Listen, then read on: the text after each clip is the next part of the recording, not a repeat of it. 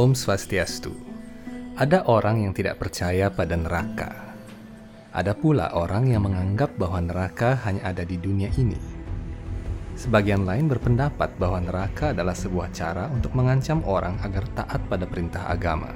Sesungguhnya, karena manusia melakukan berbagai jenis perbuatan, hampir setiap manusia terikat pada hasil perbuatan itu.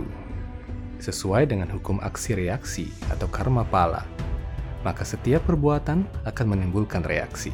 Perbuatan yang sesuai dengan prinsip-prinsip kebenaran akan mendapatkan reaksi yang positif. Ini disebut pahala. Sementara itu, perbuatan yang bertentangan dengan prinsip-prinsip kebenaran adalah perbuatan berdosa. Lalu di manakah seseorang bisa mendapatkan kebenaran? Kebenaran ada dalam ajaran-ajaran agama, sebab ajaran agama berasal dari Tuhan. Dalam hal ini, kita tidak berbicara tentang orang-orang ateis, sebab hukum sebab akibat selalu ada tanpa memandang apakah orang percaya atau tidak kepada Tuhan. Kitab suci Weda menjelaskan bahwa neraka adalah tempat yang nyata, berupa planet-planet berbeda di mana para pendosa dibawa setelah meninggal dunia untuk menerima hasil perbuatan berdosanya. Menurut kitab suci Weda, Tuhan Sri Krishna tidak pernah menjerumuskan siapa pun ke neraka. Justru, beliau hanya berniat untuk menyelamatkan setiap jiwa untuk kembali ke dunia rohani. Seseorang jatuh ke planet-planet neraka adalah akibat perbuatannya sendiri yang menentang prinsip-prinsip ajaran agama. Seseorang yang menentang ajaran kesucian dalam agamanya bisa dikatakan hidup dengan melanggar hak-hak makhluk hidup lainnya. Karena itu, dia dinyatakan berdosa. Adanya hukuman di neraka bertujuan memberi peringatan bahwa manusia tidak bisa hidup dengan bebas tanpa aturan. Sebab jika demikian, manusia akan melanggar hak makhluk lain dan menyebabkan kekacauan pada alam. Ada banyak bagian dalam kitab suci Weda yang membahas tentang neraka. Sesungguhnya ada ribuan planet neraka yang memiliki nama dan ciri kehidupannya masing-masing. Setiap planet dimaksudkan untuk menghukum umat manusia sesuai kadar dosa mereka. Ribuan planet neraka ini dikelompokkan menjadi 22 atau 28 jenis, sesuai dengan penjelasan para otoritas pengetahuan Weda. Sebelum menonton video ini selengkapnya, kami mengundang Anda untuk mengklik like apabila Anda menyukai video ini. Konten-konten Hindu Times Channel telah dipakai sebagai referensi dan bahan ajar di sekolah-sekolah dan pasraman Hindu. Sebab kami senantiasa berusaha menyajikan konten yang sesuai dengan ajaran beda. Semua itu dapat kami lakukan karena dukungan like dan subscribe yang Anda berikan.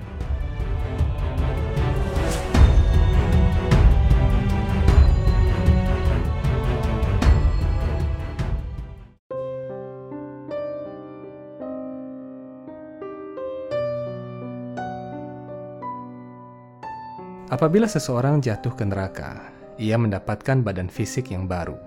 Itulah sebabnya dia bisa merasakan siksaan yang berat. Jenis siksaan di neraka sangatlah kejam.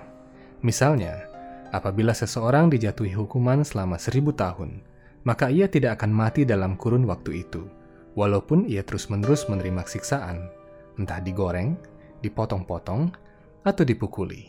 Dinyatakan bahwa badan seseorang akan pulih kembali seperti semula dengan cepat – lalu kembali menerima hukuman yang sama berkali-kali hingga masa hukumannya selesai. Mari kita simak beberapa jenis neraka utama yang disebutkan dalam Weda Agni Purana, Bhagavata Purana, dan Padma Purana. Nama-nama neraka ini juga disebutkan dalam Weda Agastya Samhita dan disalin dalam berbagai jenis lontar yang berkembang di Jawa dan Bali pada masa lalu. Kitab suci Weda Bhagavata Purana misalnya, pada buku kelima, bab 26, sloka 12, menyebutkan bahwa orang secara kejam membunuh hewan karena rasa irinya kepada makhluk hidup lain akan menerima hukuman di neraka. Setelah meninggal dunia, orang yang iri itu akan dibawa oleh para pengawal Dewa Yamaraja, hakim bagi para pendosa. Makhluk apa pun yang pernah disakiti oleh orang itu akan muncul sebagai binatang mengerikan yang disebut ruru yang akan menyiksanya dengan kejam. Neraka ini dinamai Raurawa. Ruru disebut-sebut sebagai sejenis ular yang mengerikan dan hanya hidup di neraka. Hukuman di neraka bernama Maha Raurawa adalah keharusan bagi mereka yang memelihara badannya dengan menyakiti orang lain. Dalam neraka ini, binatang ruru yang disebut Krawiyada mencabik-cabik dan memakan daging orang itu.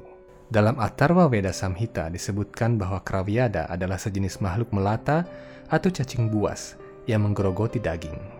Seseorang yang demi memelihara badannya melalui kepuasan lidah semata dan secara kejam memasak hidup-hidup binatang yang lemah dan burung-burung adalah orang yang sangat berdosa. Kitab Suci Weda Bhagavata Purana, skanda kelima, bab 26, sloka 13, menjelaskan bahwa setelah orang itu meninggalkan badan kasarnya, ia akan dibawa oleh para Yamaduta ke dalam neraka bernama Kumbhipaka, di mana ia akan digoreng dalam minyak mendidih hingga masa hukumannya selesai.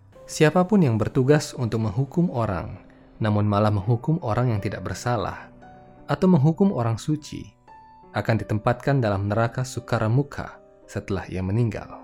Di sana, badannya dilumatkan dengan roda penggiling, persis seperti seseorang yang sedang memeras debu.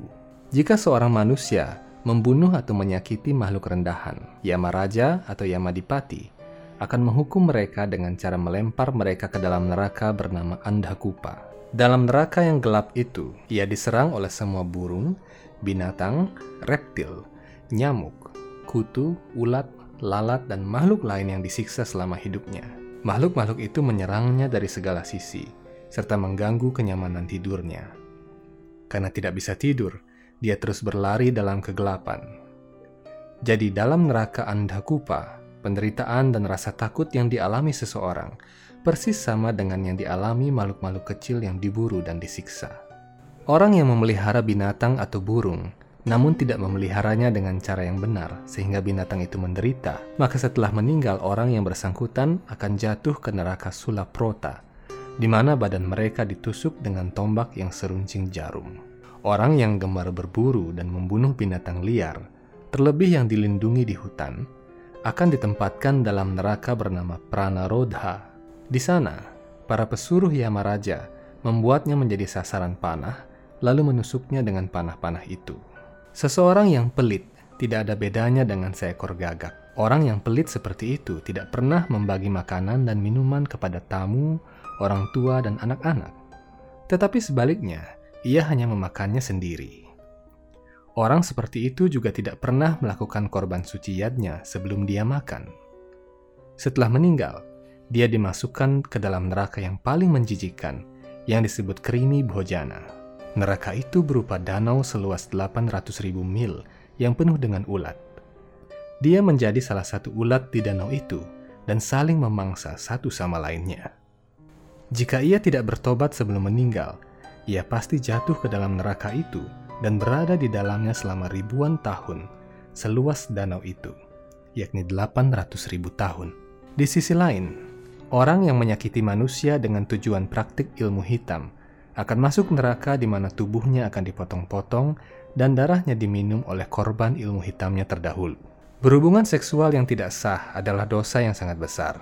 Laki-laki maupun perempuan yang terlibat hubungan seksual di luar nikah dengan pasangan yang tidak sah dihukum berat setelah kematian oleh para pembantu Yamaraja di sebuah neraka mengerikan bernama Tapta Surmi. Di sana, pendosa laki-laki dipaksa memeluk patung wanita dari besi yang panas membara, dan yang perempuan dipaksa memeluk patung laki-laki dari besi yang juga sangat panas. Itulah hukuman karena berhubungan seksual di luar nikah. Kitab Suci Veda Bhagavata Purana, buku kelima bab 26 ayat 15 lebih lanjut menyebutkan, orang yang tidak peduli pada ajaran agama yang mendidik menuju kesucian dan kemurnian sampai ajalnya tiba, akan ditempatkan dalam neraka bernama Asipatrawana. Para Yamaduta mencambuki dia. Ke mana pun orang itu berlari, dia disayat-sayat oleh daun pohon palem yang sangat tajam. Dia jatuh pingsan dalam setiap langkahnya dan menjerit kesakitan. Seorang pencuri yang merampas anak, istri, dan harta orang lain ditangkap ketika ia mati oleh Yamaduta yang kejam, lalu memaksanya masuk ke dalam neraka yang bernama Tamishra. Neraka ini sangat gelap. Si pendosa terus-menerus dipukuli oleh Yamaduta. Pendosa itu dibiarkan kelaparan dan kehausan hingga masa hukumannya selesai. Orang yang suka menipu, misalnya menjadi saksi palsu, merugikan rekan bisnis, atau tidak memenuhi janjinya untuk berderma atau berdana punya, dihukum berat setelah ia meninggal oleh para pembantu Yamaraja. Pendosa itu dibawa ke puncak gunung setinggi 800.000 mil atau sekitar 1.288.000 km dan dilempar dengan kepala di bawah ke sebuah neraka bernama Awichimat. Neraka ini terbuat dari batu karang yang menyerupai ombak di laut tetapi tidak ada air di sana. Walaupun si pendosa dilemparkan berulang-ulang kali dan badannya pecah berantakan, dia tetap tidak mati namun terus menderita kesakitan. Orang yang tidak suka menerima tamu yang tulus ingin bertamu di rumahnya akan dihukum dalam neraka bernama Paryavartana.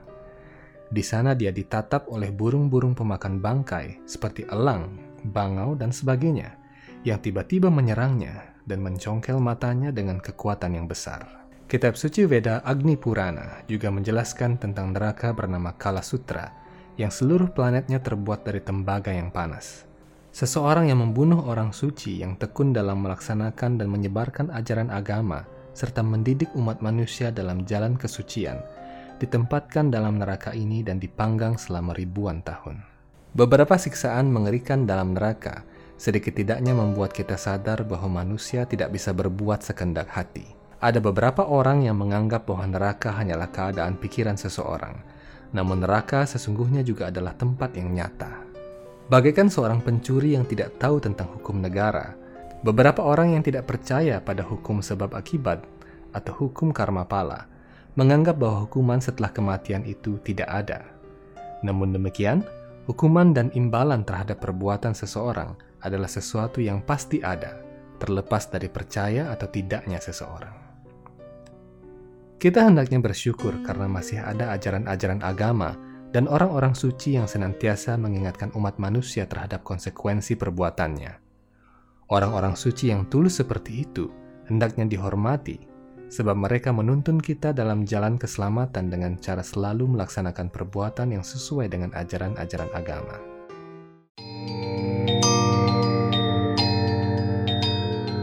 Semoga video kali ini memberi kita pelajaran untuk senantiasa memikirkan konsekuensi dari setiap perbuatan kita. Sampai jumpa dalam video-video Hindu Times selanjutnya. Om Santi Santi Santi.